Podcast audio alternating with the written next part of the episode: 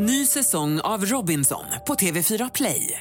Hetta, storm, hunger. Det har hela tiden varit en kamp. Nu är det blod och tårar. Fan händer just nu. Det. är Detta är inte okej. Robinson 2024, nu fucking kör vi! Streama söndag på TV4 Play.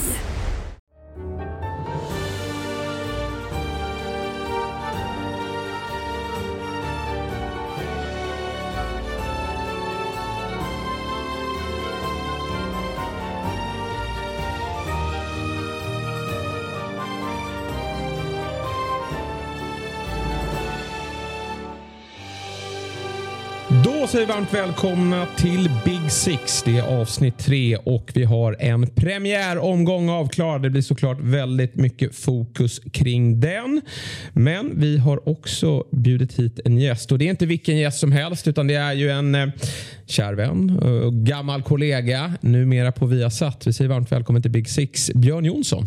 Stort tack! Kul att se er igen. Ja, detsamma. Nu ser inte eh, lyssnarna dig, eh, men många vet ju vem du är. Du jobbade ju tidigare här på Dobb, vi som producerar den här podcasten. Du var programledare för 08 Fotboll, 352 och jobbade även med mig i fantasy. Men eh, sen då för lite drygt ett år sedan så klev du över till Jättan Abonnent. Hur har eh, första året varit?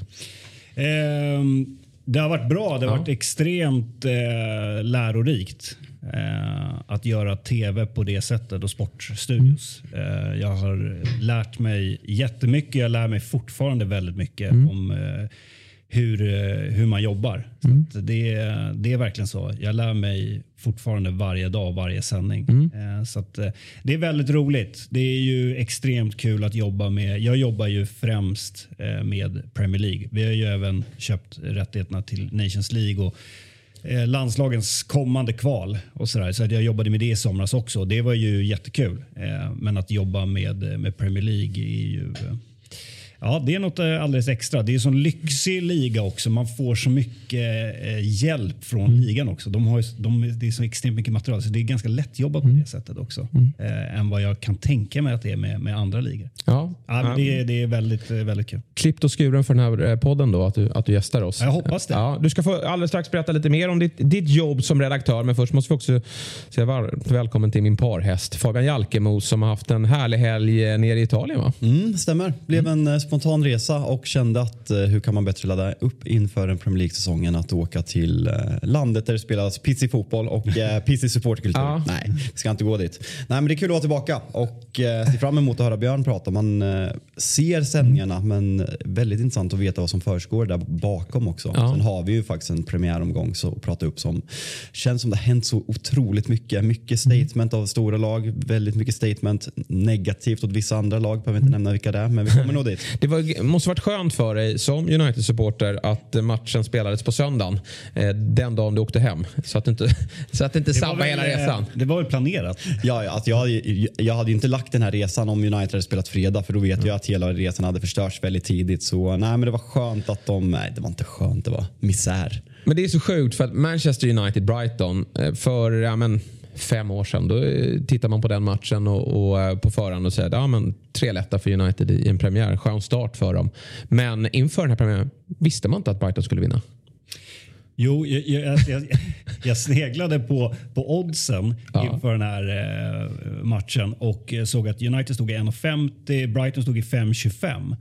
Och eh, jag, kände bara att så här, ja, nu ska inte jag vara en så här mallig och gå emot oddsättarna, men jag kände bara att så här, eh, ja, men jag har svårt att se Brighton förlora den här Ja. matchen på, på riktigt. Även om de har tappat, eh, vi kommer väl in på det mer senare, även om de har tappat eh, vi, viktiga spelare.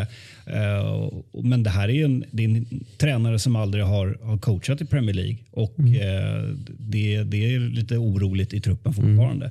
Så att, det var väl kanske det att man, man visste inte riktigt vad man hade United heller. Eh, som gjorde mig lite osäker faktiskt gå in där och Ja, men på, på. Brighton. Men, men eh, visst, absolut. Ja, den känslan hade jag. För man, eh, är det några man vet vad man har så är det ju Brighton. Ja.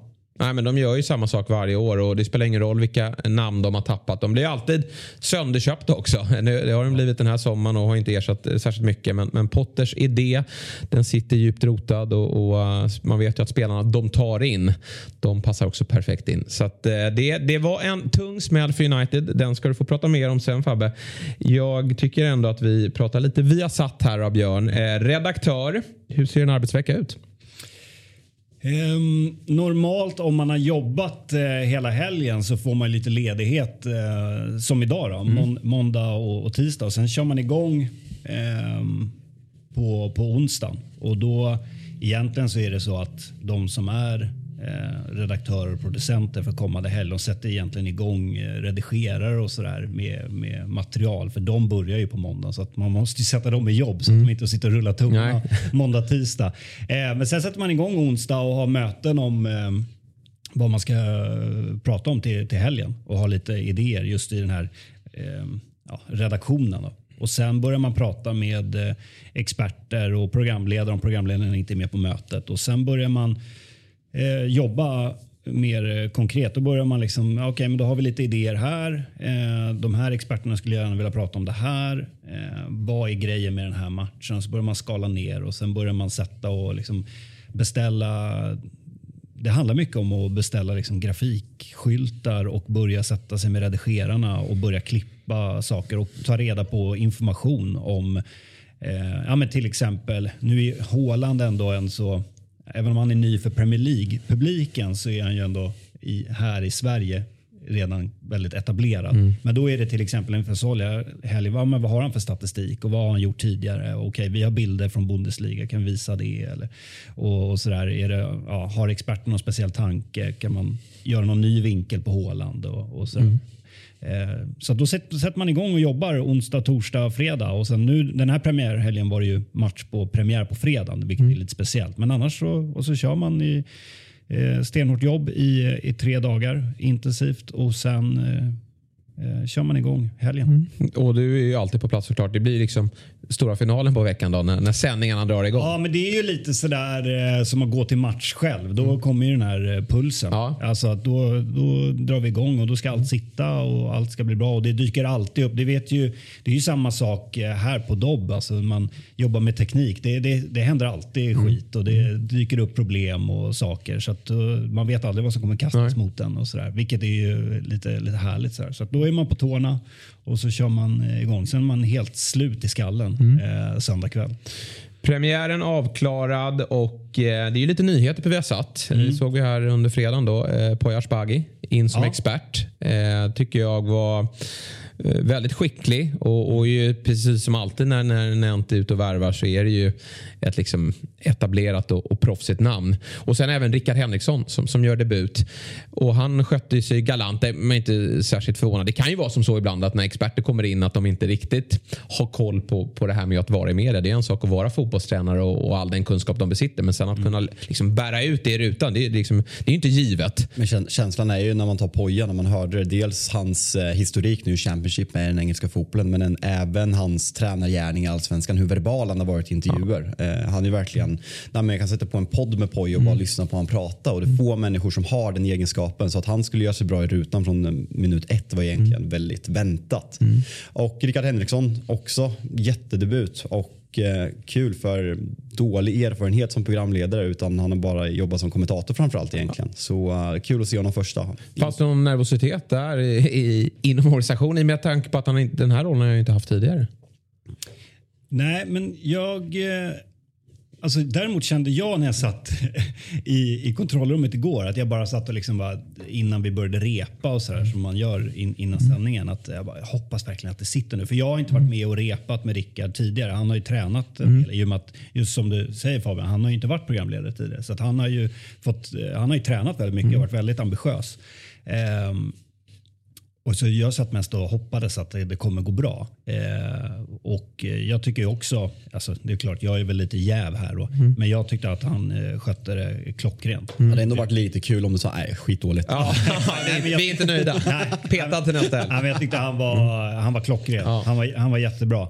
Och alla programledare har ju sina olika stilar. Och det tycker. Mm. precis som experterna har eh, och kommentatorer har. Vilket jag tycker att det ska få vara. Eh, att hitta sin egen Mm. väg där. Och jag, nej, men jag tycker han var jättebra. Och Poja som du säger, han är ju vältalig och han är eh, extremt seriös eh, liksom på, i förberedelser. Eh, precis som jag antar att han är som tränare. Och eh, Sen har han ju erfarenheten att han har varit tränare i Championship. Han har ju mött de här nykomlingarna. Eh, Precis. Han har ju den edgen också. Ja. Han har ju varit, även om han inte varit Premier League, så har han ju, han har ju varit eh, där borta och fått eh, sätta sig in i det blir intressant att se hur länge han blir kvar i rollen. För han är ju fortfarande ett hett eftertraktat namn. Det ryktades ju om IFK Norrköping på honom bland annat. Och det finns säkert andra klubbar som, som är på jakt efter tränare inom kort. Det, det sker ju löpande liksom. Och han har ju ett, ett, ett, ett CV. Eh, samtidigt så har vi också sett andra gamla tränare. Vi, vi ser ju ganska ofta i Premier League. Stora namn som kliver in i studion och sen blir de kvar där. Eh, för att de, de, de trivs eh, väldigt bra. Det är ju en, det är en, det är en annan, annan arbetsbelastning måste det ändå vara än att vara chefstränare för ett lag. Då, då jobbar man väl dygnet runt. Men eh, vi får se med, med Poja om han eh, trivs så pass bra att han blir en ny Gary Neville eller vad det nu kan vara. Eller Axén. Eller Axén. Ja, honom tänkte jag väl främst på egentligen.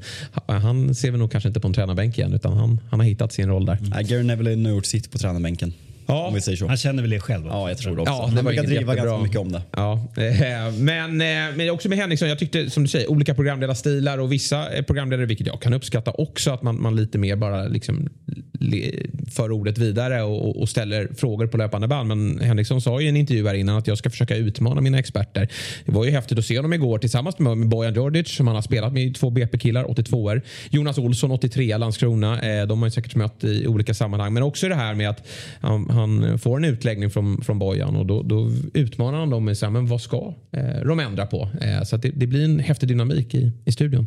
Ja, men det tyckte jag var, var, var kul att se att eh, det blev eh, levande. Och Annars kan jag tänka mig att eh, som alltså, programledare Premier League-studion att man, man, man kör lite, ja, men jag, jag spelar lite safe. Att han ändå tog in det som hände i matcherna och, och eh, ställde lite frågor som du säger till, till experterna. Det tyckte jag var, eh, ja, men det var jättekul. Eh, och det var ju ganska händelserika även om City-match kanske inte var så kul, men det var en händelserik eh, eh, med, med Haalands debut. Mm. Så, där. så att det, det fanns ju eh, mycket intressant. Jag tyckte han liksom plockade tillsammans med alla, plockade fram det som var eh, relevant. Och, eh, nej, men som sagt, jag, jag tycker att han var, gjorde en jättebra debut som Mm. programledare. Jag hoppas att eh, tittarna tyckte det också.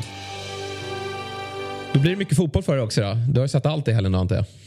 Jag har faktiskt sett eh, alla matcher. Mm. Eh, eh, den matchen jag kanske sett minst av, det låter konstigt kanske, men det är ju eh, Tottenhams eh, eh, premiärmatch. För då satt jag och bevakade de andra 16-0 Mm. matcherna. Eh, för att vi ska visa highlights och följa det som är intressant från dem. Så jag hade eh, bättre koll på de matcherna. Men, Mm. ja, men jag, jag, jag har ju sett eh, och följt alla Mm. matcher. Bra, för det är ju tanken lite med det här eh, första veckavsnittet från Big Six att vi ska ta ner omgångarna, alltså matcherna som har spelats till helgen. Och då är Björn eh, den alldeles perfekta gästen. Vad, vad får du för intryck av om, som, som helhet av eh, premiäromgången? Vad, vad sticker ut mest tycker du?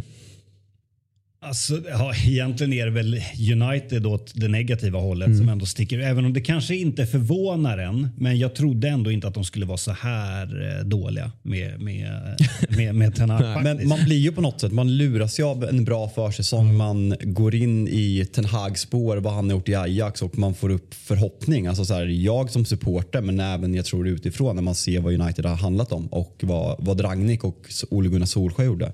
Så det är klart att det blir, det är lätt att säga nu, det var väntat. Men samtidigt så har man ändå några, ganska mycket hopp att det ändå ska se bättre ut. Och sen är det exakt samma visa än en, en, en gång. Men det mest provocerande, det tycker jag ändå, för det pratades det om i slutet av förra säsongen. Ragnik var på det, sen stack ju han, men, men det var ju att det skulle ske en utrensning. Att, att eh, de här spelarna som under en längre tid eh, har underpresterat, många av dem skulle försvinna.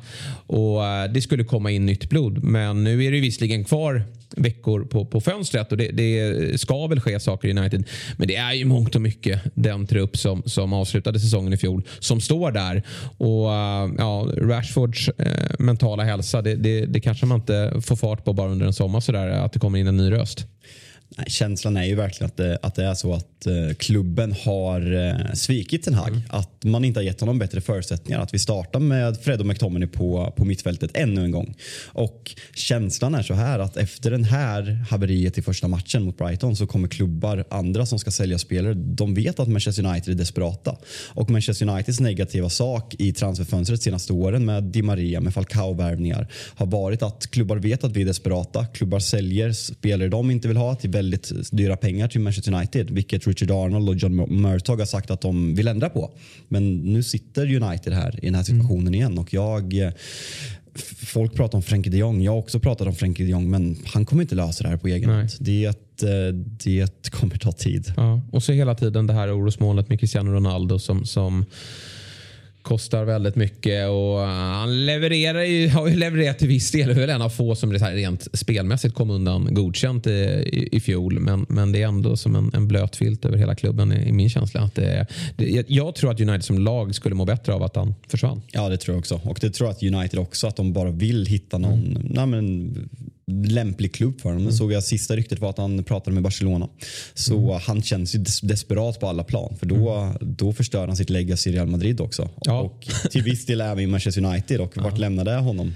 Så, han, han, kanske känner pressen av här sitt Champions League-rekord, målrekord. Han ser Haaland i hans ålder, hur bra han är på att göra mål. Jag måste fortsätta spela Champions League några år till. Folk tror ju att han menar Messi. Han, han, han kollar ju på Haaland. jag tror också det. Jag tror också det. ja. ja. men sen, annars i övrigt eh, så var det väl en sån typisk premiäromgång. Mm. Att eh, man, man har ju eh, sina förväntningar på, mm. på lag och tror att det bara ska eh, spelas, spelas av och tas eh, tre år överallt hos favoriterna. Men att det, det är så här i premiär. De startar ju ovanligt eh, tidigt också. Mm. haft en kortare försäsong än, än vad man brukar ha. Så att det var lite knackigt på vissa mm. håll och det är en del skrällar eh, nykomlingar som, eh, ja, två nykomlingar i alla fall som eh, överraskade mm. och, och, såg bra ut. Och så har vi några lag som såg lite sådär som man förväntar sig lite mer av som såg mm. lite tröga ut. Men det är väl lite typiskt en premiäromgång. Mm. Det är ju sällan sådär att eh, alla ser klockrena ut. Ja,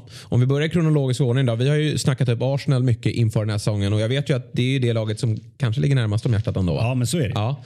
Och de har ju blivit uppsnackade för att man har sett resultaten och man vet att eh, Arteta började ju få fart på det redan i fjol och så intressanta värvningar som, som eh, flugit un, under, under försäsongen och eh, man får ju resultatmässigt en, en perfekt start här när man då eh, slår Crystal Palace på Sellers Park. Men det var alltså 2-0 siffrorna är, känns ju klara och tydliga. Men eh, det var tuffare än vad, vad man kanske trodde på förhand. Ja, det var ju en bra start av Arsenal. Första 20-30 mm. tycker jag var jättebra. Sen är det ju egentligen från det så är det ju nästan Crystal Palace hela vägen.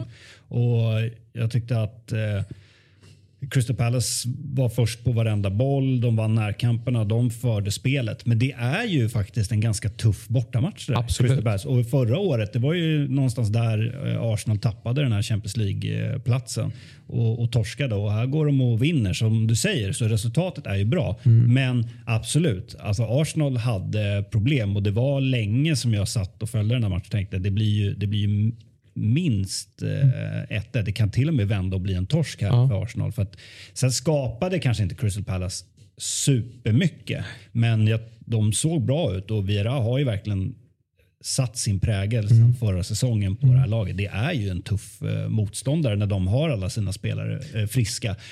Men eh, men samtidigt, då kan man vända på det och säga att eh, Arsenal reder ut det där. Mm. Eh, de håller en nolla. Eh, och sen kontrar de in en, en 2-0 och tar med sig segern. Och eh, som det brukar vara, premiär. Antingen var det så att det var liksom bara lite premiär mm. och slash jobbig motståndare. Mm. Satt där. Eller så får vi se då om det är mm. någonting att ja, men försäsongen såg kanske lite för bra ut och, mm. och nu så kommer det vara eh, kanske inte att Arsenal är så bra som många vill tro att det är. Det får vi ju se. Men jag tror, lutar kanske lite mer åt att det, det var faktiskt en tuff motståndare Ja. och att det är en tidig premiär. Och då kan man inte förvänta sig att allt sitter eh, klockrent. För jag tror att jag tycker Arsenal har gjort eh, två raka bra sommarfönster här.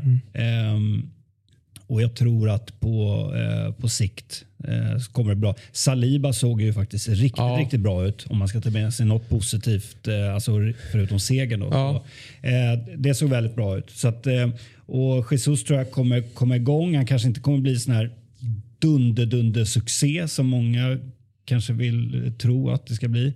Men jag tror att han passar väldigt bra. Han har ju kommit in, har många spelare sagt, lite som en...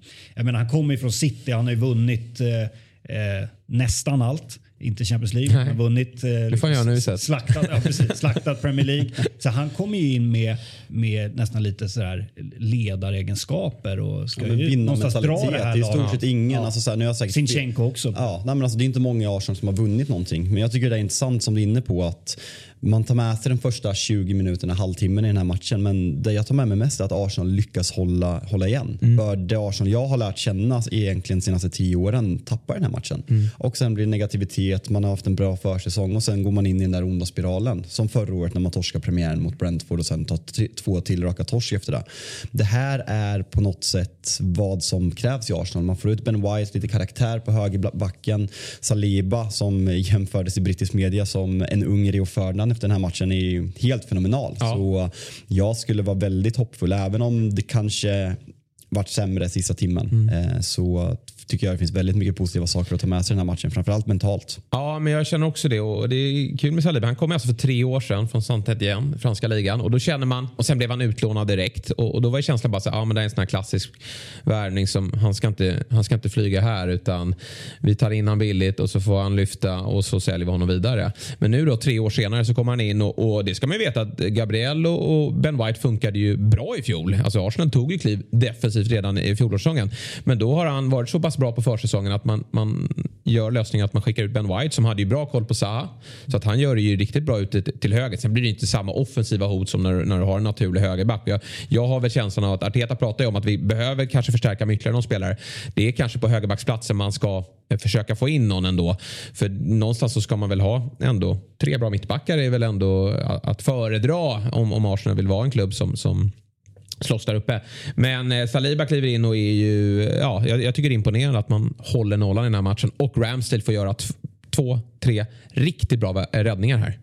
Ja, nej, men han visade ju redan förra säsongen att han var eh, väldigt bra. Det var ju nästan lite hånad värvning för att han kostade väl... Ja, jag var en av dem. Jag var absolut en av dem som, 350 som hånade honom. Ja. Ja, men, men visade sig vara var, var klockrent. Nej, men så att säga, jag tror också det. Tomiyasu han är ju skadad hela tiden. Mm. Så att, eh, det är ju fortfarande någonting, så ett moln som ligger över Arsenal. att spelarna blir skadade hela tiden. Ja. Som eh, Thomas Partey, han hade väl inte haft en skada innan han kom till Arsenal. Sen var han borta eh, Mm. större delar av säsongen. Men eh, så att, ja. Tomiyasu var ju väldigt, tycker jag var bra Mm. förra säsongen när han spelade. Men det verkar ju som att han dras med, han, att han är lite väl skadebenägen. Ja. Eh, Sinchenko fick man ju skit för va, när man var ute och flaggade för att det här är en topp fem, eh, en av de fem bästa värvningarna för Big Six-lagen ska sägas. Och han är i huvudrollen direkt här. Eh, väldigt fint framskjuten på, på vänsterkanten och nu är Czerny tillbaka också. Han hoppar in i den här matchen. Så det är möjligt att Sinchenko då får den här mittfältsplatsen eh, framöver då, att han petar Xhaka. Jag tycker man ser hela hans aura alltså vi, han, som man har när, em, när, när han spelar i ukrainska landslaget. Mm. Framförallt kanske i matcherna mot Sverige när han är stjärnan. Här ser man lite samma Sinchenko medan i City är han nej men en, nej men en person, i- alltså en liten Ja, ja, person i, verkligen. Mm. en, i en stor hög. Och man, eh, jag tror att det är en spelare som verkligen växer med det här självförtroendet. Så eh, nej men en superdebut verkligen. Och en karaktär som Arsenal behöver. Och eh, som sagt, Palace får väl bara ta med sig insatsen då. Att det, det ändå var en, en eh, tuff start hade de men sen jobbade de sig in. Och eh, det känns ju som att Palace, ja, alla har väl haft dem någonstans där i mitten och det är väl där de hamnar. De skulle väl behöva spetsa det där laget, kanske med en målskytt. Ja, så är det väl. Och eh, nej, men Som du säger så tror jag att Palace ändå tar med sig att vi, vi gjorde det bra och eh, hade vi bara haft ja, lite medvind så hade vi nog kunnat tagit eh, minst en poäng Mm. i, i den här matchen. Så att, eh, jag tror inte att de stressar upp sig Nej. eh, allt för mycket. Väntat resultat alltså på Sellers Park. Men en desto större skräll då på Craven Cottage lördagsmatchen 13.30. Det var märkbart svag insats från, från Liverpool. Det var det verkligen. Speciellt eftersom man såg den här segern i Community Shield Mm. som var ju var kanske den bästa, jag kallar det ändå försäsong, Ja. Mm. eh, försäsongsmatchen man sett. Och det är väl det. Och det är väl de två bästa lagen i, i, i världen. Eh, typ så. I den här Som- podden får du säga det. Ja, ja, som, det- eh, eh, även om eh, det var ett annat lag som var Champions League. Men eh, så, som, som möttes här. Eh, och, eller i, i Community Shield. Och då hade man med sig det. Och kanske var det lite det att ja, nu möter man, man, möter, man slår City eh, som är favoriter till titeln. Man kommer hit, möter en nykomling, lilla Fulham. Det ska ju bara spelas av och kanske går man ner då några procent och då möter man en nykomling som jag också var lite spänd på att se. Vad är det för typ av Fulham vi, vi får se? Och de var ju, de var ju riktigt, riktigt bra. Så att, eh, det var förvånande att se.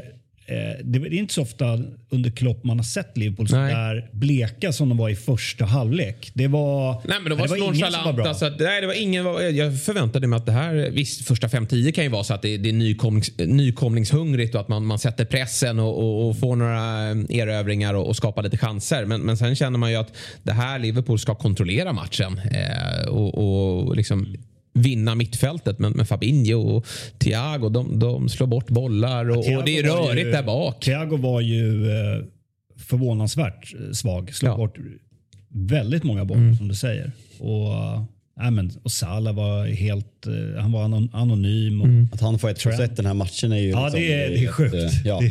Och det är en styrka i sig. För han, han lyckas ju ofta göra sådana saker men svag, svag insats. Jag var lite förvånad att eh, Darwin Nunez inte startade. Ja, jag med. Ehm, eh, eftersom han gjorde så bra när han, han kom in i Community Shield. Men, och han är ju lite tungan på vågen sen i, i andra halvlek när, när han kommer in. Eh, och det är så kul för att precis innan Eh, målet så har de ju en exakt likadan liknande situation. Där han Ja, kraschar. exakt. Och, och Ja. Det är bara någon minut innan och sen eh, andra gången så, så sätter han den.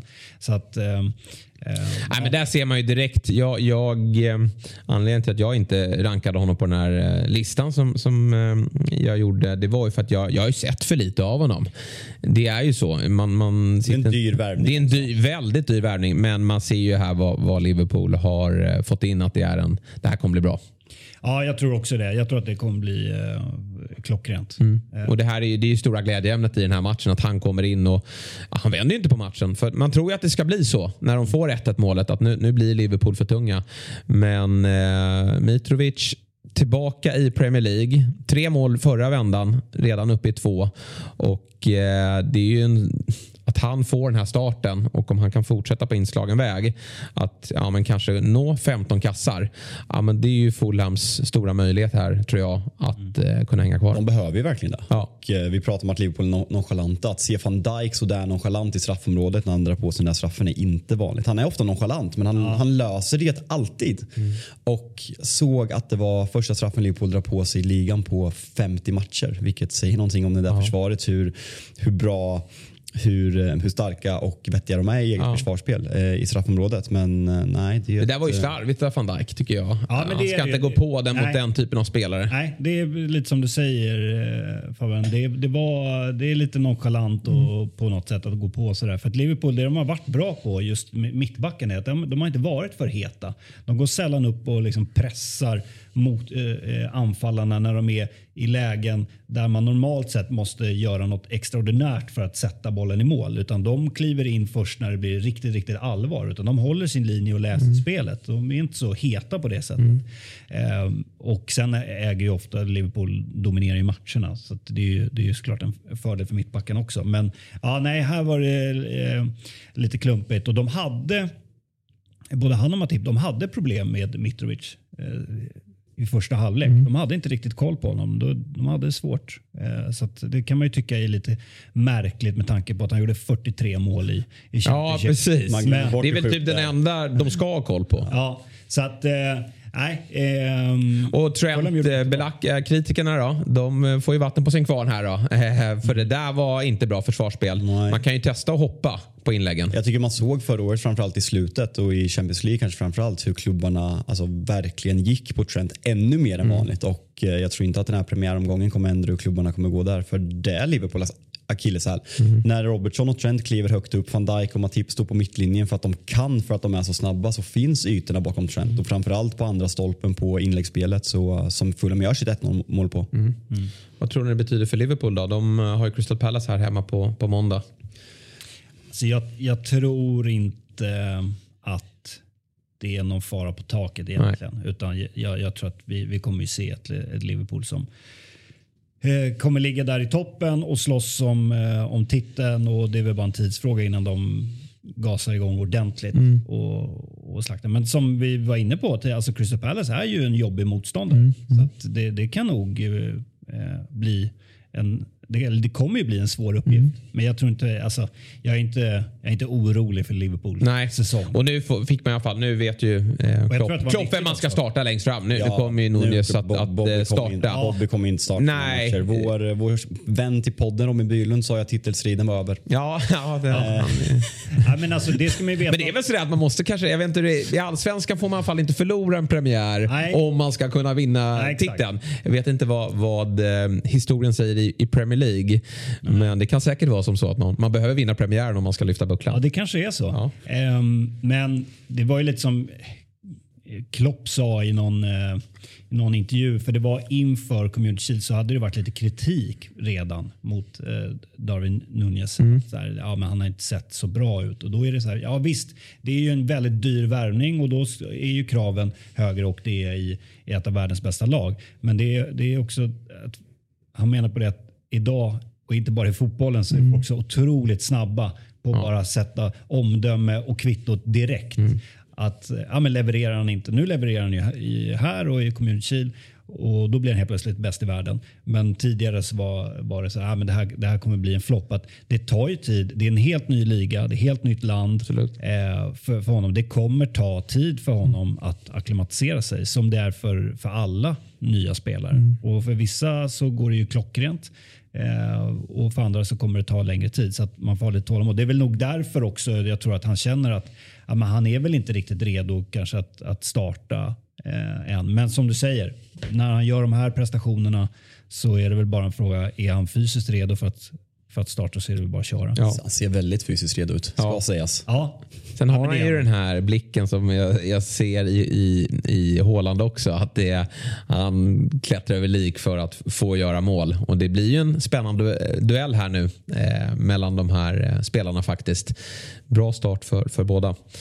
Eh, ja, vi får se vad, hur, hur Liverpool hämtar sig efter det här lilla fiaskostarten. För det får man ju ändå säga att det är. Med, med tappad poäng mot Fulham. Ja, ja, absolut. Det är ju ingen som är nöjd. Och Nej. Klopp, eh, det var ju många som liksom hakade på det här med att han klagade på att gräset var torrt. Det var ju Mm. bara en del. Det kanske att, så här, det är onödigt att nämna. Det har ju blivit en grej nu. Ja. att man, Nu ska vi lyssna på Klopps presskonferens efter poängtapp. Ja, och så ska man ta ut den saken. Det, Ja. var ju så här, det är ju lite, om man hade varit någon slags eh, eh, mediacoach för Klopp hade man väl sagt att nämn inte det. För Nej. folk haka upp sig. Men han Precis, sa ju det. ja. Det här var inte en bra premiär. Jag vet inte vad vi höll på med i första halvlek. Det här var inte alls tillräckligt bra. Sen var det mycket annat som, var, som inte passade oss. Och så nämnde han det bland annat. Men Det där måste vara något tvångsbeteende. Alltså så här, ja, det var, det var, ju- det var ju någon han. säsong när de torskade mot City på med en poäng. När det var, de hade typ tre poängtapp på sista 30 matcherna. Mm. Då var det blåsigt, det var dålig boll och det var dålig plan. Och Ja. sen nu är det här. Så,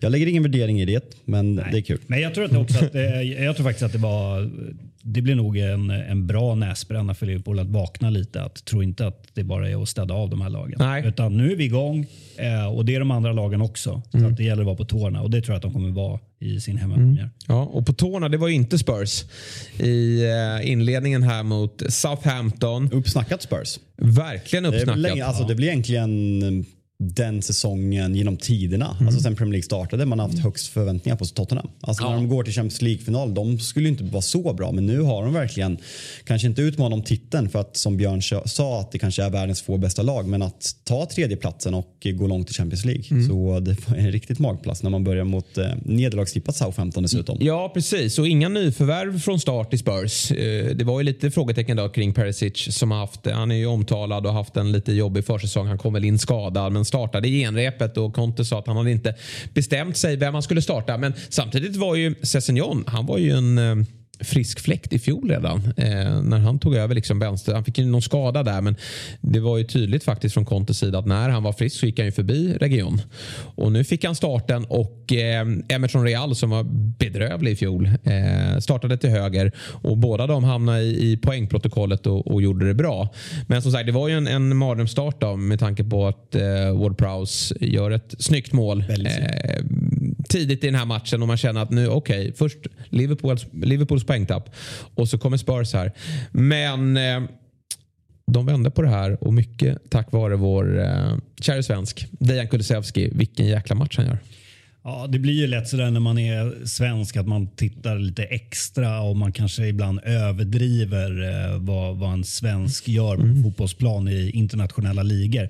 Men här är han ju, eh, han är ju bäst Ja. och han fortsätter. Det var liksom en han, det var ju lite så här först i starten när han, när han eh, värvades till Tottenham att det var, man märkte att okej, ny liga, lite tufft sådär men sen gick det ju eh, hur bra som helst och så bara fortsätter det så här. Eh, han är ju, ja, det är ju det är väldigt imponerande att se Dejan Kulusevski. Han är ju verkligen stjärna. Man ser också nu när man hör eh, hur de pratar där borta på öarna om honom. Ja. Att det, Ja, det är så, så det här ballt. är en klassspelare. Ja. Och man ser hur han har liksom anpassat sig till Contes sätt att spela. Mm. För jag tycker att han, han är verkligen han, han visar ju att han klarar av Premier League. Det är ju inga problem.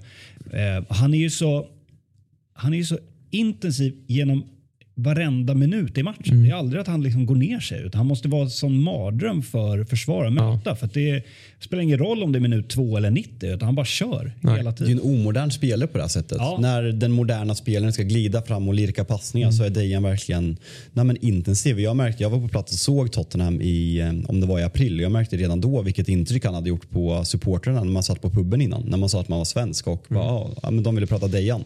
Så eh, nej, man, man blir stolt. Och eh, Richarlison har kommit in. Jag har ifrågasatt varför man eh, splashar de pengarna på en spelare jag inte ser en plats för i laget. Och eh, det är väl lite alltså Dejans position han ska utmana om. Men så det är ett jävla statement för Dejan att göra den här premiären i den Ja, konkurrenssituationen som finns. Jag var lite så här orolig att går för nu, nu är ju förväntningarna därefter. Att han var helt otrolig under våren. Han gjorde ju betydligt fler poäng än, än Luis Diaz som man pratade om som den bästa januarivärvningen någonsin.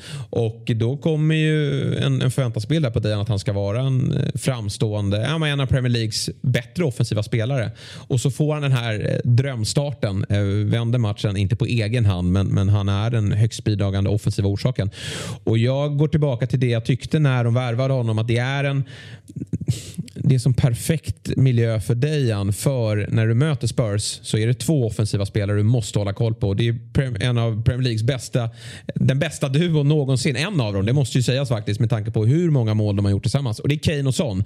Det är liksom det, när, man pratar, när man ska möta Spurs så tror jag att man pratar väldigt mycket om det. Att vi, vi måste hålla koll här hur, hur Kane droppar och söker Son.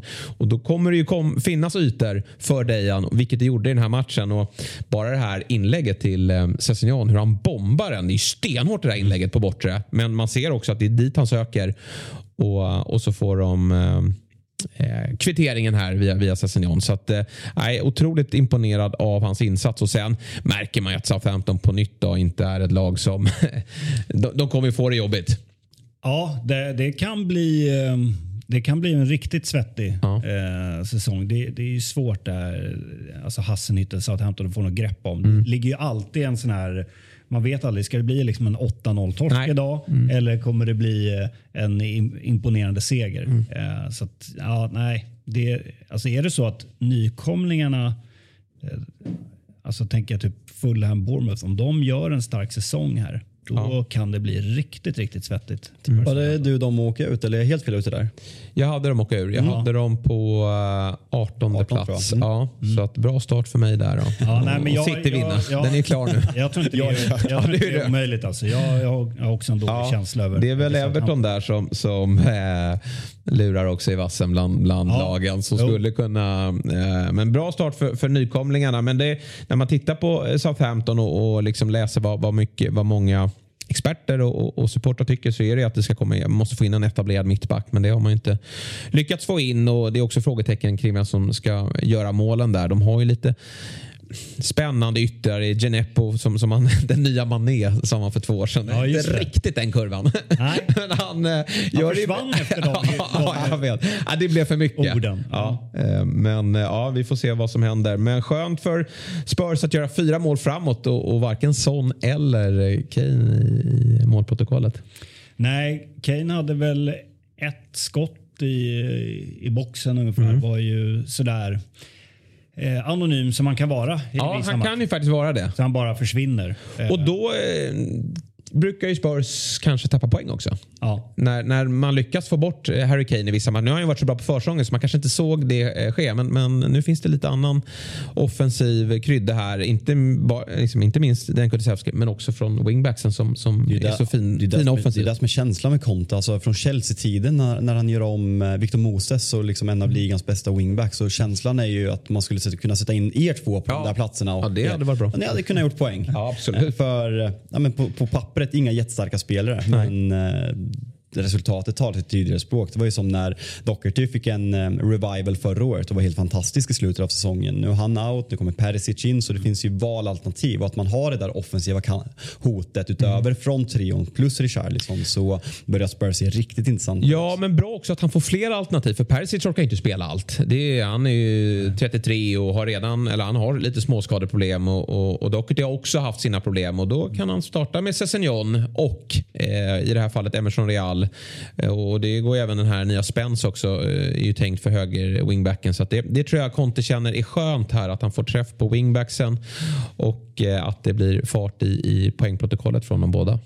Ja, och sen ehm, det har ju redan pratats mycket om eh, Tottenhams transferfönster, men de gör ju väldigt bra Mm. värvningar. Lenglet tror jag kommer bli eh, jättebra Mm. också. Eh, så att på sikt så är det, det här var, nu vinner de ju 4-1, Mm. men det var ju inte, det var ju ändå som ni var inne på, det var lite ja, vacklande start. Mm. Sådär. Men jag tror verkligen att eh, Tottenham kommer vara där uppe och, och slåss. Mm. eh, Och eh, inte, inte om titta. Det skulle ju vara om både City och Liverpool kör ner diket. Det är Ja. ganska osannolikt att båda Ja, gör det. faktiskt. Men, men en tredje plats ser jag som många har, har tippat om. Det tror jag absolut. Ja, men lite favoritskap på det nästan. Ja. Och, och vi, bra, det. bra alternativ på kanterna men också centralt på mitten. Bissouma startar inte här utan Höjbjerg och Bentancourt eh, gör det föredömligt där. Så att, eh, Ja. Spurs har fått den starten eh, de ville ha även om det var en lätt nykomling. Nu väntar det ju tuffare till helgen. Det blir ju värdemätaren eh, med, med Chelsea då, eh, till helgen. Den, den ska bli kul. Mm, Men där tror jag snarare Chelsea känner att eh, okej shit, Ja. nu väntar eh, Tottenham. Jag tror att eh, alltså Chelsea känner att det här är Ja, för de flög inte i, i Nej, premiären. och det är väldigt, väldigt rörigt i den klubben. Ja. Så att, eh, där tror jag snarare att Chelsea känner att det, det här kommer bli jobbigt. Ja. Men känslan är ju verkligen att när man tar, vi kommer gå över till Chelsea nu, men att man ser om man jämför Tottenham och Chelsea så är det ett färdigt lag och ett lag som inte vet vad de gör. Nej. Det känns som att de budar på varenda spelare utan Ja. tanke med en amerikansk ägare som vill sätta sin prägel på klubben och egentligen ända sedan eh, ja, men Putins invasion i Ukraina när eh, Abramovic, eh, alltså vad som började, vad som var början på slutet för Abramovic i Chelsea så känns det som att det är en klubb som är på väg ner. En väldigt välmående klubb för ett år sedan som många tippade skulle kunna utmana Chelsea och eh, City och Liverpool på riktigt när man hade tagit Champions League. Men nej, mycket frågetecken kring Chelsea. Jag är med Björn där att det är nog Tottenham som ser fram mer mot den här matchen. Ja, men Chelsea precis. Det kanske är ett bra läge att, att möta Chelsea. Då. De rörigt där och de möter en klubb som eh, har ännu mer rörigt då, i, i form av Everton eh, på, på Goodison Park. Men jag tror faktiskt att Chelsea har ganska dålig statistik just på, på Stamford Bridge. Det är känslan. Ja, jag tror att det, de, är, de är svaga där. På Goodison menar du? på Goodison Goodison menar jag. Sorry. Eh, där, därför var det ju då viktigt att, att få vinna. Eh, om vi tar kategorin eh, som eh, vet du, Arsenal landar i också. Vinna utan att imponera. Jag blev också lite... Jag trodde, om man kollar på formationen här, eh, så var det ju... Eh, man trodde att Havertz skulle starta som central anfallare. Men, mm. men han kör ju Raheem Sterling där. Det gjorde han och eh, det kan nog bli... Eh, bli bra på, på sikt. Mm. Eh, eftersom nu är ju ja, Werner är på, på väg bort och ja. Lukaku är redan borta. Eh, tycker att det är lite konstigt. Nu vet man inte vad som händer i bakom kulisserna, men att man skeppar Werner. Jag ja. tycker ändå han eh, har varit ganska bra i Chelsea. Jag tror också en, en sån här säsong, om han får känna att han är ett veta att det mm. skulle vara bra för honom. Så det tycker jag är lite konstigt. Men är det inte då att han själv, det måste vara det? Måste jag tror att Torshäll känner att han är en användbar spelare. Han kan ja. användas både på kant och ja, centralt. Det blir ju lite som, det är lite andra ingångsvärden än i United. Men att många spelare känner att det här Chelsea, visst man kan få bra betalt i Chelsea. Mm. Men att det är så rörigt rent sportsligt. Mm. Att, ja, det är nog bättre att jag rör mig någon annanstans. Men jag måste bara säga, det här var ju lätt omgångens tråkigaste match. Ja, det, var det. Eh, det var ju massa avbrott. Godfrey med en obehaglig skada ja. eh, och fick syrgas och bars ut på bår. Och så var det var sju minuter tillägg i första, mm. det var tio minuter tillägg i, i andra. Det var en match som man bara ville ska ta slut men som aldrig tog slut. Nej. Det hände ingenting. Jag tror det spelades 43 minuter äh, aktiv fotboll. Ja, läste, läste jag äh, fick, fick jag höra inför Premier League ligger på 55 minuter. Ja. Man blir lite deppig när man hör det. 55 ja, minuter effektivt speltid.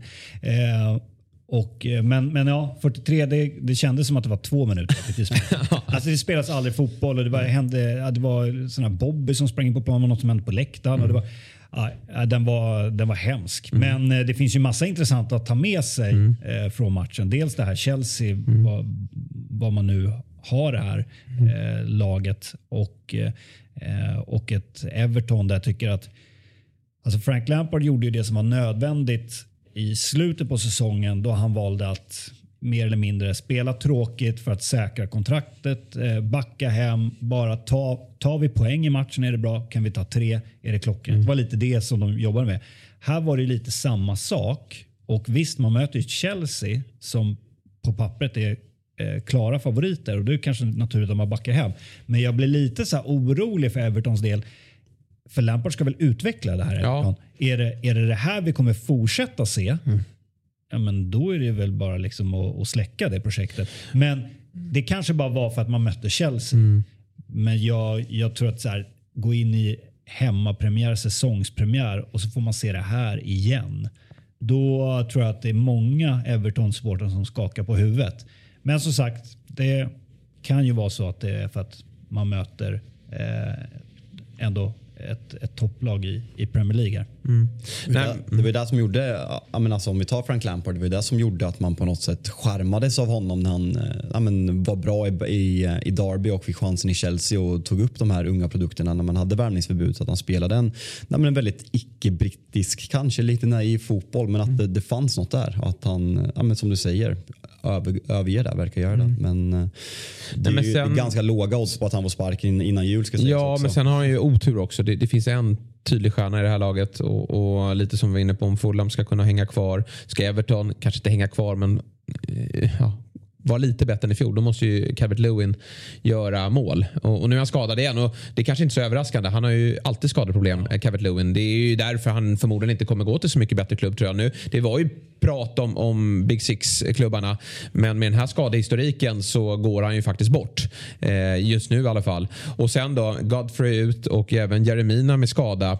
Så det, det, är ju problematiskt. Och nu pratas det om Connor Cody från Wolves eh, ska in i den här backlinjen. Mm. Ja, det kanske är bra. Men eh, de, de behöver ju eh, förstärka det här laget och slåss med ekonomiska problem. Så det är en Ja, det är tungt för, för Lampard så man känner någonstans att han har kanske inte råd med eh, så många misslyckanden till i sin tränarkarriär. Annars sitter han ju där med, ja. med Carragher och Neville och, och skriker. Ja, nej, men det är klart att det, det är som du säger, det är tufft. Och um, det, när jag såg den här startelvan så kände jag också att det finns inte en chans att de, de vinner den här matchen. Nej, nej. Eh, och det, det, går de på, på topp. Ja. Alltså, Gordon tycker jag är jättespännande mm. det är en bra spelare men är, han ska inte stå där som någon ensam striker. Nej, nej, nej, nej. Det är en ganska otacksam roll för, för honom. Så att, eh, Eh, nej, det, den där elvan, eh, den, den är svårjobbad för, för Lampard. Men, men ändå tycker jag att ja, eh, Det är, ju på, fa- det är på fasta situationer de skapar lite. För det, det är Ja. ju, de har ju tagit in Tarkovsky och han är farlig där. Jeremina, Min är stark. är han det då? Kanske Alltså det är lite han, är bara, lång. Nej, men det är den där VM-spaningen man hade. Det var väl eh, var det 14 VM eller? Ja, typ. Ja, som var liksom den där gubben är bra. Så Barcelona på det. Men Har han gjort ett mål sen dess? Det är tvek va? Jag vet inte. Jätterimligt. Connor eh, Cody är stark. Ja, Connor Cody är stark, så de, det är väl det de hoppas på här nu. Och Dwight McNeil kan ju serva in de här bollarna. Men det är ju deppigt. Alltså så här, att Everton hamnade där förra året var ju för att de, de var inte inställda på att hamna i bottenstriden så de hade väl inte psyke för det. Och det var därför det drog så långt. Men nu måste man ha psyke för det. För man har tappat sin, ja, men sin kanske bästa spelare i Charlison och knappt ersatt. Alltså ersatt med McNeil från, från Burnley. Så det säger ändå en del i kontrasterna. Nej, en, Det är en jobbig eh, säsong. Ja, det blir ju det. Även om det kan komma in lite nyförvärv här och få se om det är tillräckligt bra. Men skönt för eh, Chelsea att få vinna och att de som sagt är fortsatt aktiva då på eh, transfermarknaden. Kukureya blev klar. Eh, lite dryga eh, 600-700 miljoner kronor eh, kostar han att köpa loss från Brighton. Vad är det för prislapp? Ja, den prislappen är ju sinnessjuk. Ja. Men det är ju en, jag tyckte att så här, inhoppet, han gjorde det bra. Det var verkligen pikt. Ja. Och, och, och jag tycker Chilwell han fixar straffen men han ser inte riktigt eh, 100% redo ut. Eh, och nu har man visst, man har pratat om Kukureya som eh, vänster mittback, att han är ett alternativ där. Men, men jag kan tänka mig att han tar wingbackspositionen här eh, tills dess att Chilwell är lite bättre fysiskt skick. Det är det som är, alltså man hade ju verkligen gått, man gick ju stenhårt för Kondé för att han skulle ta den där höger mittbackspositionen Mm. bredvid Thiago Silva och Koulibaly och sen hade man Reece James och Chilwell på wingbacksen. Nu ställer man frågetecken för Koulibaly utgår från vänster, var ska Cucurella spela? Ska man ta Mm. in ännu en mittback? Det ryktas om Fofa- Fofana. Ska man sätta Chilwell på en bänk? För en miljard. Ja men hur, vad tänker man? Det känns bara som att man värvar. Alltså, Ja, nej. Lite så. Ibland blir det så här hett som en spelare. City vill ha honom Mm. och då, ja, men då måste vi nypa honom. Eh, men däremot så tror jag att om man, om man bortser från eh, eh, från plånboken Mm. och vad, vad, de, vad de kastar på honom så tyck, tror jag nog att det blir en, en bra värvning för, för Chelsea. Sen eh, tycker jag också att den där prislappen är, är absurd. Ja. Men, eh, men jag tror att det blir bra eh, det blir bra i slutändan för, Mm. Chelsea. Sen jag måste säga att eh, Koulibaly eh, såg eh, klockren ut. Mm.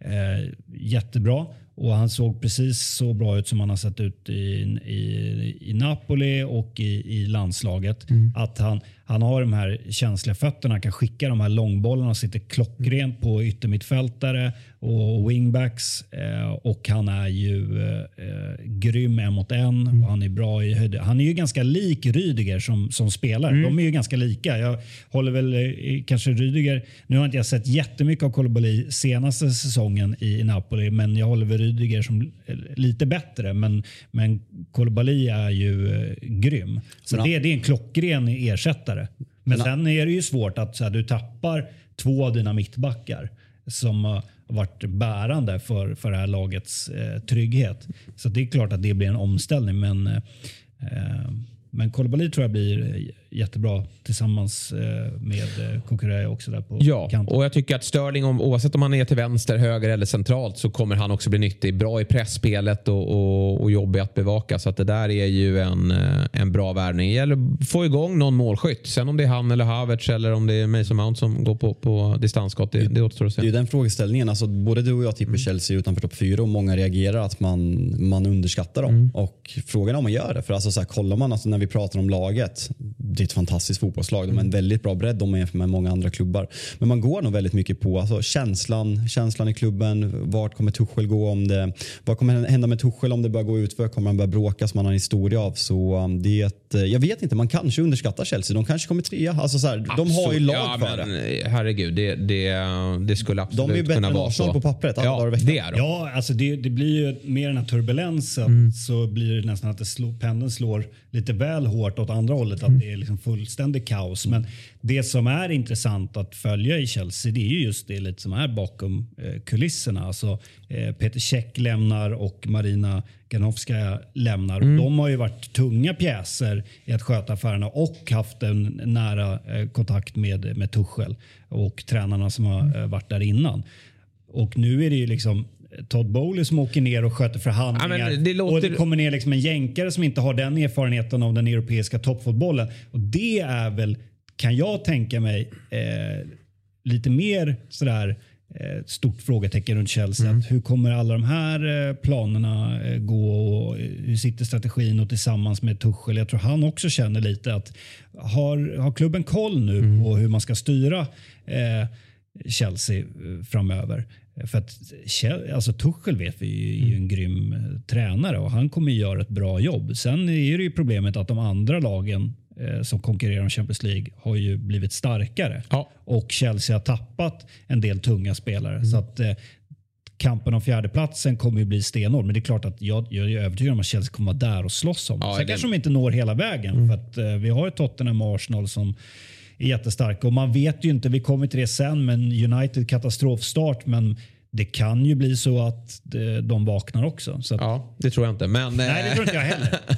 Det är Vi inte så mycket måste som ge talar för det. Fabian lite hopp här. Jag såg en rolig tweet här, om vi ska gå till United. Erik 10 month.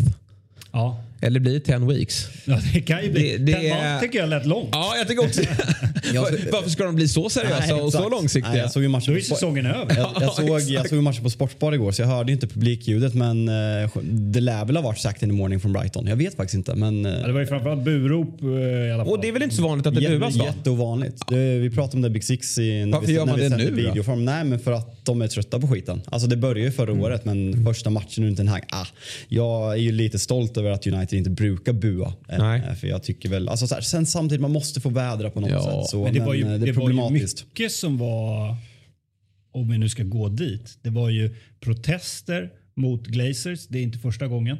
Men det var protester både, både utanför och på arenan. Sen var det burop mot Ronaldo under uppvärmningen och sen är det burop mot hela insatsen. Så att det, Det är rörigt. det var allt annat eh, än en harmonisk publik. ja. Och Joel Glazer på plats igår också. Ja. Vilket sker väldigt sällan. Med den där eh, eh, nästan perversa tofsen där i nacken. Ja, men, eh, alltså han, måste, han, ja, men han har troligtvis kanske hela världens mest pu- punchable face. Alltså, Och det, om dit. det tror jag är 100% medvetet. Att han vill, alltså han vill se Mm. eh, han vill se ut som en person som folk ska hata. Ja, nej, men jag kommer ihåg för, för om det är två år sedan när eh, vad heter de? Tampa Bay vinner, satt och följde Super Bowl och eh, ja, men sympatiserade ändå lite med Tom Brady och eh, ville att han skulle vinna. Sen helt plötsligt när de vinner då kommer det där jävla svinet upp och tar emot bucklan. Men visst är det symboliskt också att Danny Welbeck är första halvleks bästa spelare. Gamla United. Och det, någonstans, det, han ska ju inte vara i United. Men, men man ser också vad en bra tränare kan innebära för en spelare. Vi ser, alltså, alla är väl överens om att Marcus Rashford är en bättre fotbollsspelare än Danny Welbeck. Alltså är han det? Jag vet inte. Jag vet men jag, jag vill tro det. Ja. Eh, och, och, eh, ja, nu, nu, men liksom, det går inte att gå in och slakta Ten Hag för det, återigen är det ju det här att han har inte fått ett nytt lag. Eh, att, att, och det kanske är hans fel att han går på namn som är omöjliga att få in. Dem. Frankie de Jong som det har pratats om hela tiden. Nu sägs det väl att han blir klar här, kvar i Barcelona. Eh, och då känns det som att man har hela tiden gått och, och, och jagat honom. Eh, då borde man väl ha släppt det spåret tidigt. Så är det ju. Och jag tror väl på något sätt, alltså de, de rapporterna som kommer upp att han eh, vill hellre till Chelsea och att Chelsea inte ser det. Jag, jag ställer frågan varför ska Chelsea värva honom? För man har tre fantastiska spelare på det där mittfältet. Sen är alla lite ålderstigna. Kanté är väl 31, Han var bra, Kanté, för Jorginho är väl också 31 och eh, Kovacic är väl, jag vet 90, 95 kanske. Så det, det är ju dags att börja slussa ut men det är inget man bestämmer sig för att göra nu. Sen, eh, jag tror inte Barcelona kan behålla honom med vad de är skyldiga honom i lön och sådana saker. Så jag tror fortfarande att det är ett maktspel. Jag tror han kommer lämna. Sen om Ja. det blir till United eller Chelsea. Men eh, som du säger, Lisandro Martinez går in igår och gör väl ingen prick, gör väl ingen prickfri eh, debut. Han eh, borde dra på sig en straff. Eh, jag tycker man ser bra saker men jag kommer inte döma honom efter första matchen i England. Sen eh, Christian Eriksson, Eriksen tycker jag ser bra ut. Jag tycker att eh, det är en fot som Manchester United har saknat. Jag ser framförallt i andra halvlek när, eh, när Fred byts ut ganska tidigt att eh, Eriksens fot djupare är något vi verkligen har saknat. Så eh, Men det var lite förvånande när eh, Ten Hag pratade inför när han kom till arenan och sa att ah, men, eh, eh, det blir Eriksen på topp längst fram. Eh, och man fick veta att Ronaldo var, var på bänk eh, och det förklarade han ju till att han har ju typ bara haft en vecka försäsong. Eh, så det kanske inte var så konstigt. Sen är det mycket som händer utanför planen. Men att Eriksen var på topp, det kändes lite konstigt. Eh, så, men sen jag tycker att Martinez tror jag kommer bli bra. Eh, och jag tror att här för United, om Alltså Varann skulle vara skadefri en hel säsong. Varann och Martinez, det tror jag skulle kunna bli jättebra. Och jag tycker så här, för en första halvlek, om man ska ta lite positiva grejer runt United, så tycker jag att när Maguire fick spela som höger mittback, då ser man hur bekväm han ändå kan vara. Han har ju en underskattad fot. Eh, det är det som folk har glömt bort för att han börjar spela ut till vänster som Ja. han blir, eh, då blir det något helt annat. Det blir en helt annan Maguire. Men där tycker jag att det här, inledningsvis att ändå såg eh, ganska bra ut. Men eh, sen har de ju det här problemet. Alltså, eh, som vi var inne på här, det här innermittfältet, McTominay Mm. och eh, Fred. Alltså McTominay kan ju inte fortsätta spela eh, i United. Dessutom är han ju säkerhetsrisk. Det, det hänger ett rött kort. Alltså att han Ska inte nästan ha ett rött kort. han ska ha definitivt ett rött kort tycker jag. Han vet ju exakt vad, vad han gör. Det var lite intressant att höra faktiskt de här våra eh, experter och programledare prata under matchen. För alla tre har ju bakgrund som fotbollsspelare. Och att de var inne på lite det när de följde matchen. Det McTominay gör när han eh, går in mot Caicedo där. Att eh, Många domare tror när de tolkar det som att ja, men det går så fort och han hinner inte bromsa.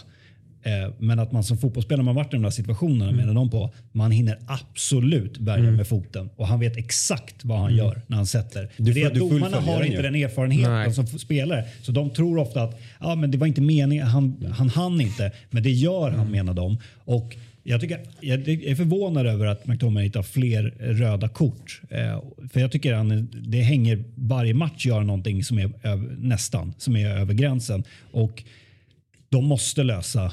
Eh, det finns ju mycket som United måste lösa, men där har vi ett konkret problem tycker jag. Att Men det, det- där eh, inne mitt fältet, det, det håller ju inte. Men folk pratar ju som ett problem om Manchester United, kanske framförallt förra året, att ah, men det läcker till media, spelare vill inte vara i klubben. Och i Scott McTominay har Manchester United en spelare som älskar klubben, han gör allt för klubben. Men vi måste landa i att han är inte tillräckligt bra för att starta. Han ska vara ett femte val på det där mittfältet och komma in och bidra med sin ener- energi. Men det, det är ju verkligen att ledningen har svikt Erik Ten Hag att vi startar ännu en säsong med Fred och McTominay. För man, man, man har gått nu i två, i två månader och eh, haft sommarlov från Premier League. Och eh, man har nästan glömt bort hur dåliga United var. När de torskade med 4-0 mot Brighton, det, det är inte mycket som har förändrats. Nej. Brighton har tappat sina två bästa spelare men ändå är de så mycket bättre än Manchester United för att de har en spelidé, de har ett färdigt lag och de har en bra tränare som har fått sätta sin prägel på det. Men det är också jobbigt för Ten Hag att jobba en försäsong med sina idéer som han har varit så framgångsrik med och så gör han det med en trupp som han vet att eh, det är inte er jag ska jobba med. jag vill bli av med er men vi måste göra det här för att de är trötta här uppe på, i, i ledningen. Och den grejen också, alltså Al- Alex Telles, eh, Adam Famisaka, ehm, Er- Er- Erik Ba- Bajy. Det finns så många spelare som uppenbarligen inte ska vara i klubben men som de inte säljer. De, sen är det väl för att de, de sitter på så höga löner, de har varit så dyra så de är svårt att skeppa och få betalt för. Men det, det är en sån utrensning som måste göras. United har tappat många spelare men det måste ske ännu mer. Sen måste vi värva ja, men nya Malaysia-typer för 13 miljoner pund exempelvis.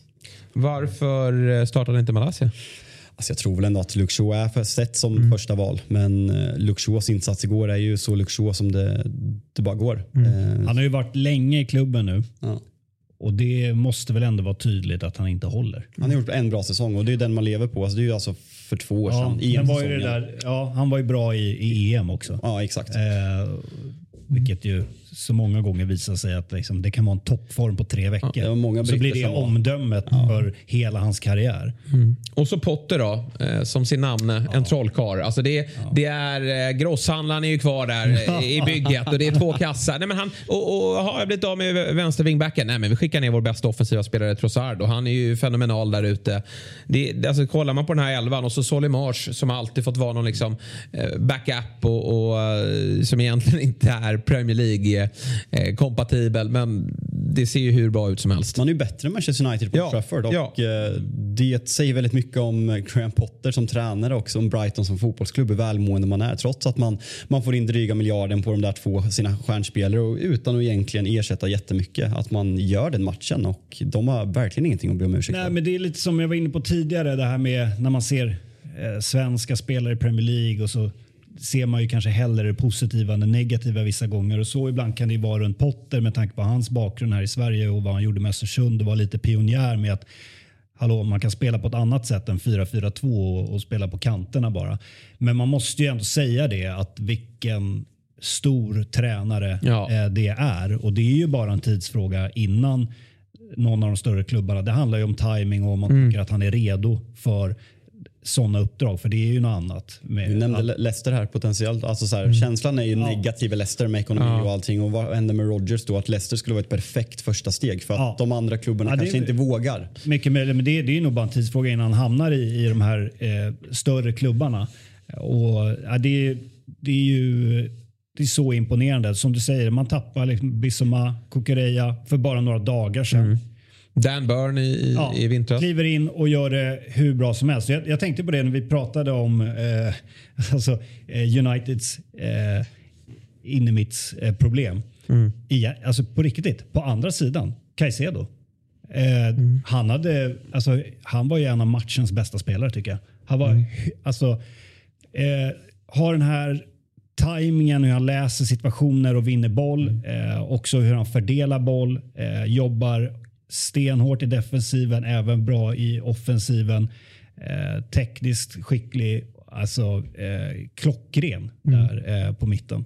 Eh, precis en sån spelare som jag tror. Sen kanske inte han är redo för United. Och, Jag menar, det, är inte bara, det har vi ju sett. Det är inte bara värva spelare och så blir allting, så alla bekymmer borta. Men där var en spelare som var hur bra som helst. Danny Welbeck som vi var inne på när, när han är frisk. Jag är ju svag för Danny Welbeck alltså. Ja, man är ju Älskar det. honom. Eh, kanonbra. Så att, nej, eh, det var ju, förra säsongen var ju Brightons bästa säsong någonsin. Slutade nia.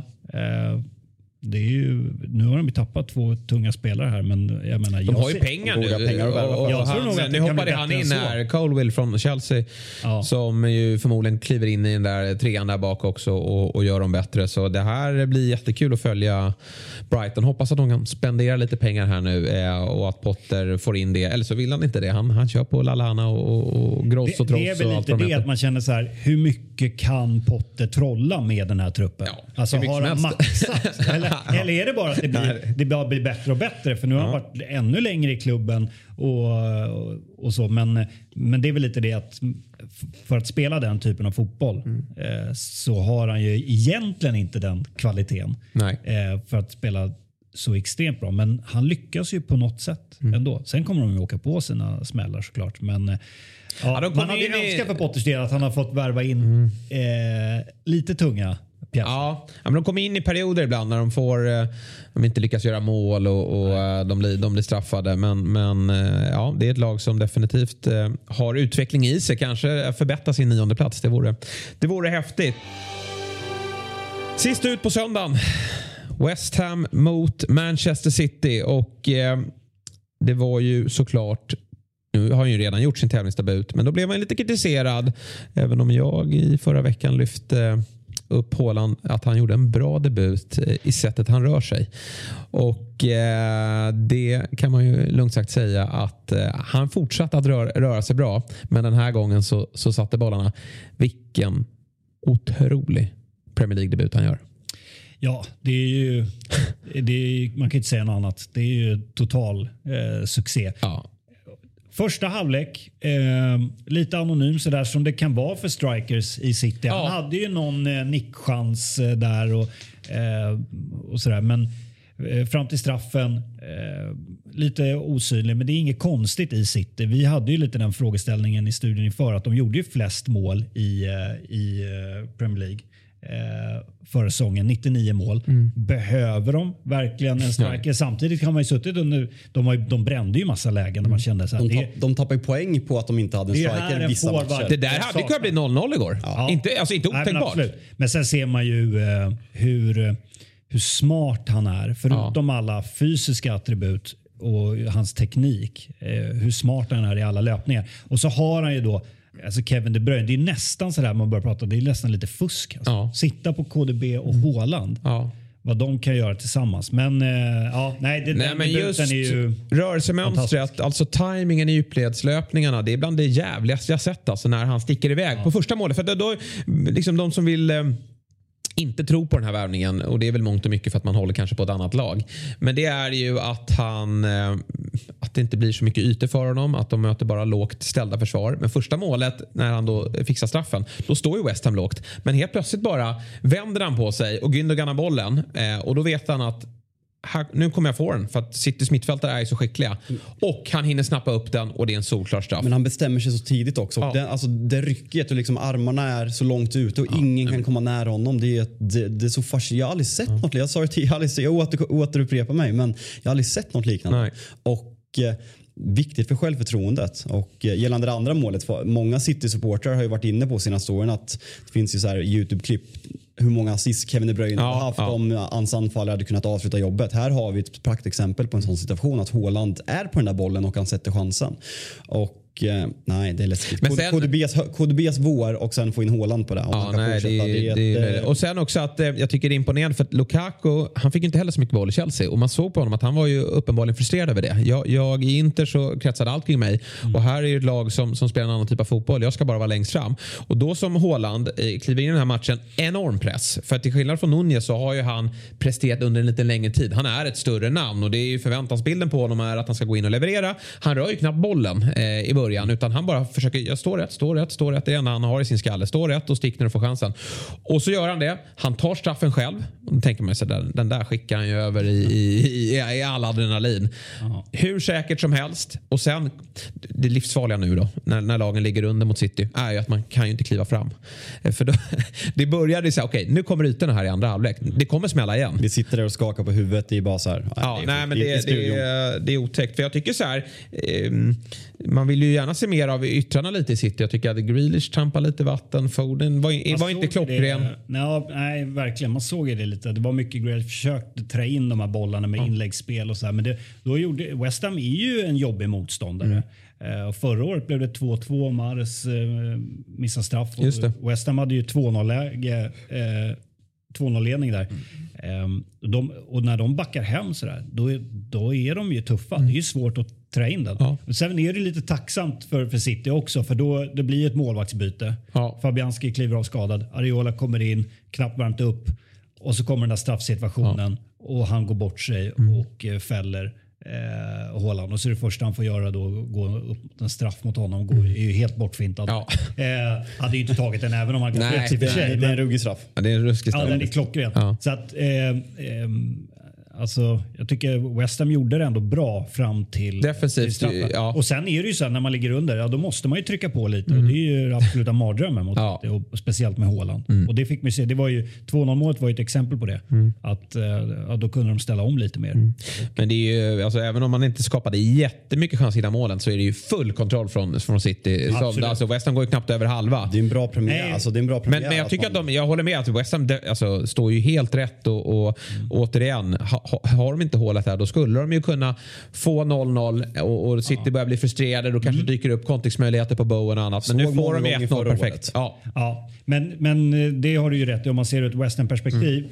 Försvara sig bra i början, men anfallsmässigt fanns det ju inget. Det var ju bara skicka den långt på Antonio som stod och stångades mot mittbackarna i City och kom ingenstans. Så att anfallsmässigt hade de ju ingenting, eh, West Ham här. Men, eh, ehm, men de, de kan ju sitt sätt att, eh, att försvara. Ja, Nej, så är det. Och det är inte den där typen av matcher kanske. Även om man var framgångsrika hemma i fjol mot topplagen så, så är nog West Ham inte allt för, för ledsna ändå. Eh, utan eh, man, man höll ner siffrorna och eh, Haaland möter Bournemouth härnäst då. Eh, får vi se hur det går. Stökigt. Ja, pray for Bournemouth. Vi har the rest då. Vi ska prata lite, med, lite kort om det. Och jag reagerar på Aston Villa. Det är visserligen en nykomling men, men det är ju en Steven Gerrard som har ett poängsnitt som är sämre än Det, vi pratade om Gary Neville i Valencia Mm. förut. Jag tror att de har 35 procent båda två. Och eh, Gary Nevilles gärning eh, ses väl typ som den man garvar mest åt Mm. i engelsk historia. I stort sett. Ja, Man får ju se, det är ju med de här gamla storspelarna som ganska snabbt kastas in i Premier League. Och Vi får väl se, det är ju alldeles för tidigt att sätta stämpeln på dem hur de är som tränare. Men man kan ju väl konstatera att det ändå inte börjat sådär jättelovande. Nej. Men, ja, men Lampard, Gerard till exempel. Vi har an, andra spelare som har gått sådär och så varit så otroligt snabba på att gå in i, i Premier League. Den här starten, visst det är ju premiär och det kan man ju ha lite som ursäkter men de möter ju Bournemouth. Eh, alltså det, här, det, det här såg inte Nej, du bra. satt och kollade på den här matchen. Ja, nej, de, alltså, de hade ingenting. Nej. Eller, alltså, visst, de, rent statistiskt så har de ju en del eh, avslut och sådär, men spelmässigt. De har, det- de har ju boll och alltså grejerna, man kan förlora en premiär mot en nykomling. Det såg vi Arsenal göra förra året också. Det kan vara, ja, men det är intensivt, det är bra stämning, de är tillbaka i Premier League, publiken lever sin. Men här är det ju hur det sker. Eh, och Aston Villa, sen de sålde Jack Grealish, de har ju värvat och satsat otroligt galet. mycket. Gerard ut, Potter in då. I, i, eh, i vinter, men alltså, i en sån här klubb. Liksom, Plånkan står ju på vid gavel här. Det, det, man får ju precis vad man vill. Men eh, Dean Smith fick inte riktigt träff på det. Och Gerard, alltså, nu har det gått en omgång men vi har ju, det är ju framförallt vårsäsongen där, där Villa nästan var indragna i, i bottenstriden hela vägen i mål. Som gör att man, man är lite skeptisk till, till Det, Steven det, Gerrard. sen är man ju skeptisk till britter överlag som tränare. ja, Alltså, ja. det, det, det Ja, går verkligen. inte. Alltså, Förutom Potter. Exakt. Kommer vi dit till svensk vurmandet Ja, igen. ja, exakt. han är svensk. Så det, han är inte britt. Nej, men det där är lite intressant. Vår, eh, Åslund som både är med i Eurotalk och i Premier League-studion har ju pratat mycket om det när, när det gäller Premier League. Både vad gäller spelare och tränare. Att det är ju en liga som behöver importera kompetens. Ja. Och det är ju bara att titta på de bästa tränarna och de bästa eh, spelarna. Det är ju utlänningar. Och, eh, ja, de, det är inte, vi har inte haft så många brittiska tränare över- överhuvudtaget i ligan. Och de här före detta spelarna som kliver upp och blir tränare. Det är ju inte jättemånga som har bevisat sig vara the shit. Nej. Än så länge. Nej, Sen nej, nej. Är det, finns det ju, det är, de har ju lång tid kvar Mm. att- att jobba. Och kanske skulle det vara nyttigt för dem att göra lite som Wayne Rooney har gjort. Som har kört Championship och nu kör MLS. Sen vet man ju inte. Liksom. Kommer ju också floppa när han kommer till Premier League. Ja, alltså, det vet man ju. det, det Ja, det så kanske ju. det blir. Sen vet man inte riktigt vad, vad liksom alla tränare har för ambitioner. Och, och liksom, nu går man till MLS. Mm. Vad, ja, vad skickar det för signal? Men i alla fall. Att, ja, nej, de här eh, eh, brittiska tränarna, det är ju inte så många som har visat att Nej. de har någon super-edge.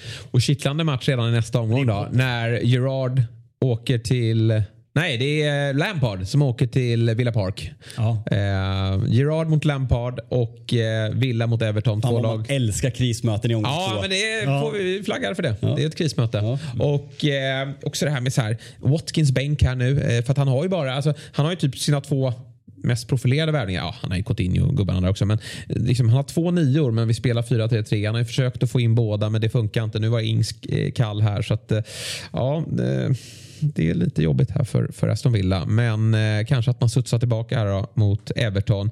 I övrigt konstaterar vi att Leicester har det jobbigt på uh, transfermarknaden. Uh, och uh, man har även lite jobbigt på plan. Då. 2-0 blev 2-2. Tungt poängtapp där.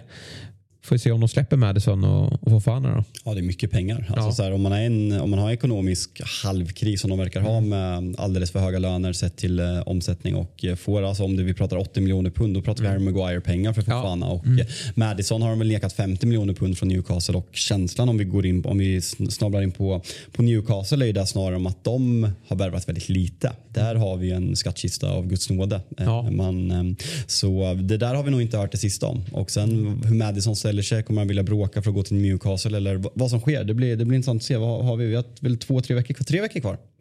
Ja, så första är det september. Ja, och det lär väl eh, hända en del fram till dess. Ja, nej, men alltså bara tillbaka till Leicester där. 2-0 ledning. Det som var intressant var att de gjorde mål på, eh, på hörna. De som varit usla på hörna, Brentford som varit grymma på, på fasta. Så tar de en 2-0 ledning. Båda målen ganska snygga mål. Eh, och sen bara eh, rasar mot ett Brentford som jag tror det är många som har pratat om att kan få det ganska tufft det här klassiska andra året. Eriksen borta som var vital Ja. för dem i våras. Mm. Kan inte tappa 2-0 ledning i premiären mot, mot Brentford som ja, halv nykomling. Det, nej, det, är Nej, det är, det är för dåligt. eh, verkligen. Det där hade varit skönt för Leicester då när det är så turbulent Ja. vid sidan av planen. Då. Och Att ändå få en, också. Ja, med Schmeichel och så klappar ihop sådär. Det, det, det är inte bra nog. Nottingham som på förhand såg ut som den bästa nykomlingen, de eh, var chanslösa på St. James's. Ja, de hade, ju, de hade inte en chans även om Newcastle såg lite tröga ut. De hade ju mycket av boll och, och det var den här sista tredjedelen som... Madison där på det. Kan ju lösa Ja, eh, den verk- typen av verkligen. problem. Eh, Nottingham har väl, de har väl värvat typ 12 spelare. Ja. Så det är väl klart att det kommer ta sin tid Mm. att forma det där laget. Men eh, det var ju, ja, det såg inte särskilt bra ut. Men jag tror nog att det kan, eller det kommer nog se bättre ut under Mm. säsong. Som sagt, många nya spelare, det kommer ta tid. Eh, ja, men, eh, Newcastle, som jag ändå tycker jag gillar ändå på något sätt att de man, alltså, de här ägarna och vad, de, vad, det, vad det är, det, det har diskuterats många gånger. Om vi lämnar det åt sidan så tycker jag ändå att de har gjort eh, ganska sansade transferfönster. Att de inte går. Det pratades ju liksom i början när de eh, klev in i klubben att ja, men Neymar kan vara på väg in, Mbappé kan vara på väg in. De har ju valt att gå på eh, liksom, kan tyckas lite mellanmjölkspår på, Mm. på vissa spelare. Men det tror jag är ganska klokt. Att ta spelare som kan ligan och, och liksom skynda långsamt. Mm. Eh, det tror jag är, är rätt väg att gå. Och eh, här, här får man med sig eh, en, en stabil trea. Omgångens mål av eh, Fabian Schär. Ja, jäklar, Eh, vilken bomb. snyggt. Vilken bomb. Det var han- lite det som behövdes för att Ja. väcka liv i den här matchen. Ja men verkligen. Det var en eh, riktig projektil. Mm. Nej, bra start. Eddie Howe är ju också britt. Och hon- honom hade vi nästan räknat bort. Det, han är ju på, alltså så här, lite åt Potter-hållet Ja, och det är en bra rekrytering tränarmässigt för att ta det här första steget. Han kommer ju inte vara den som tar Newcastle kanske ut i Champions League men det är ju ett perfekt eh, första steg. En eh, Sven-Göran Eriksson eller en Mark Hughes om vi får dra en City-referens. Ja. Det återstår att se. Ja, men bra hörni, där fick vi ju med eh, väldigt mycket från eh, premiären. Otroligt kul att det är igång igen och jäkligt kul Björn att ha dig här. Du kommer ju tillbaka. Vi har ju fått tillåtelse till det. Att du ska få vara här och, och Du inget- du är prata inget- Premier du- League-fotboll. Du har inget val. Nej, precis. Men det är väl kul att få, för eh, man ser ju eh, på sociala medier, alla undrar vad, eller de vet ju vad du är, men man vill ju höra och se mer av dig. Det måste vara kul att få vara tillbaka i, i den här typen av sammanhang också va? Ja, det är kul att få och det är alltid kul att snacka fotboll. Ja. Eh, så det är kul att få eh, ventilera vad man tycker och, och tänker av, av det man ser. Så att, eh, men det är svinkul. Jag vill bara flika in en annan grej Ja. om, eh, om de övriga matcherna. Jag tycker att ehm, Leeds också har gjort ett eh, ganska spännande fönster. De tar med sig, det var en ganska underhållande match där Ja. mot Wolves. Det kunde ha gått åt eh, båda hållen. De, eh, Leeds skulle ju ha haft en eh, straff där. När De, de vänd, lyckades ju vända på steken men när de låg under så borde de ju ha fått en straff. Jag tycker det är, det är en sån här klassisk grej. Målvakter eh, har, har ju alltid någon extra livlinje. Ja. Eh, när José Sa går ut och, och sänker Christensen. Han bara boxar ju honom rakt i ansiktet och det blir, det blir ingenting. Eh, men sen lyckas de vända på det. Tycker att eh, de har ju värvat alltså Brandon Aronson från Salzburg, eh, Mark Rocca från Bayern München, Rasmus Christensen, Tyler Adams. Ganska bra värvning. Eh, så att, eh, Det är väl så här, och sen är det alltid... men då har Jesse Marsh fått ta in de gubbarna han vill Ja. ha då för att bygga sitt För det nya. han har varit i ja, och men exakt. till och det är det är väl lite det eh, din gubbe vill göra, eh, Ten Weeks här. Han vill, ju, nej men han vill ju plocka in spelare som han har jobbat med men har ju inte fått göra det. Eh, och, och eh, Leeds då, nu har det gått en omgång men, men Mm. upp, jag såg inte matchen men uppenbarligen då så får man miniträff direkt här. Ja, och, och Wolves var inte dåliga. Den här matchen kunde nästan ha slutat lite åt vilket Mm. håll eh, som helst. Men jag tror ändå Leeds... Eh, ja, ja, det ska bli spännande att följa Leeds Mm. den, här, den här säsongen. Med Jesse March som får nu liksom starta eh, på lite ny kula med Leeds. Vara med på försäsongen. Tappat sina två bästa spelare, lik Brighton. Så det är ju Ja, verkligen en nystart med en ny tränare. Och ändå gör det bra. Och, och, eh, jag, eh, jag, jag tror inte Leeds kommer vara indragna i, i någon bottenstrid. Eh, så jag, jag tror att så här, eh, helt okej placering eh, under halvan där. Ja. Det, det tror jag. Så Ja. jag det ska bli spännande att se vad han kan göra av de här som är lite hans gubbar då, Mm. i, i det här laget. Ja, det blir jag glad över att höra. Jag vill ju ha Leeds som ett etablerat Premier League-lag. Det jag, känns som jag, att jag vill ju som supporter känna hatet mot Leeds. Ja. Jag är för ung för det. Så jag vill att Leeds ska bara absolut vara kvar. Mm. Och de, det känns som att de är beredda att satsa om de träffar rätt på, på tränarbänken och så vidare. Så att det, det, det är bra att det, det går åt rätt håll för eh, Leeds United. Ha, eh, Björn, nu Mm. fortsätter med den frågan då. När får vi se dig i, i rutan då? Nej, jag vet inte. Nej. Du får du fråga chefen. Ja, bra, då gör jag det. Eh, Jag får, jag får komma hit och så är det första frågan vi ställer. Ja, När får vi exakt. Björn i rutan? varje gång. Kör en stående fråga. Är det dags snart? Ja, exakt. Ja. nej, men jättekul att ha dig här och prata Premier League framförallt. Jag vill inte prata allsvenskan med dig, förstår du väl? Eh, med det tanke på hur ditt lag går där och hur mitt lag går för stunden. Eh, så vi, vi, vi skippar det helt Det är perfekt att bara snacka. Ja, nej, och det kan det vara bra terapi, men nej, vi, precis. Nu pratar vi bara Premier League här framåt. Stort tack för att du ville komma och gästa oss. Ja, jättekul att vara här. Ja, vi hörs och ses snart igen och det gäller ju dig också Fabbe. Vi ses ju redan på torsdag va? Ja, och då ska vi gästas av Petter Landén. Ja, ska få, eh, ja, vi har fått en 99% bekräftelse, men eh, det räknar vi med. Ja. Så det blir kul. Honom har man saknat över sommaren. Ja, och han är väl lyrisk nu när City eh, Ligan avgjord. Ja, Liverpool, ligan är är- avgjord. Liverpool är ja. Får gratulera till ligatiteln då Ja. på torsdag när han gästar oss. Ja. Tack till alla er som har lyssnat. Vi hörs som sagt redan på torsdag igen. Hej!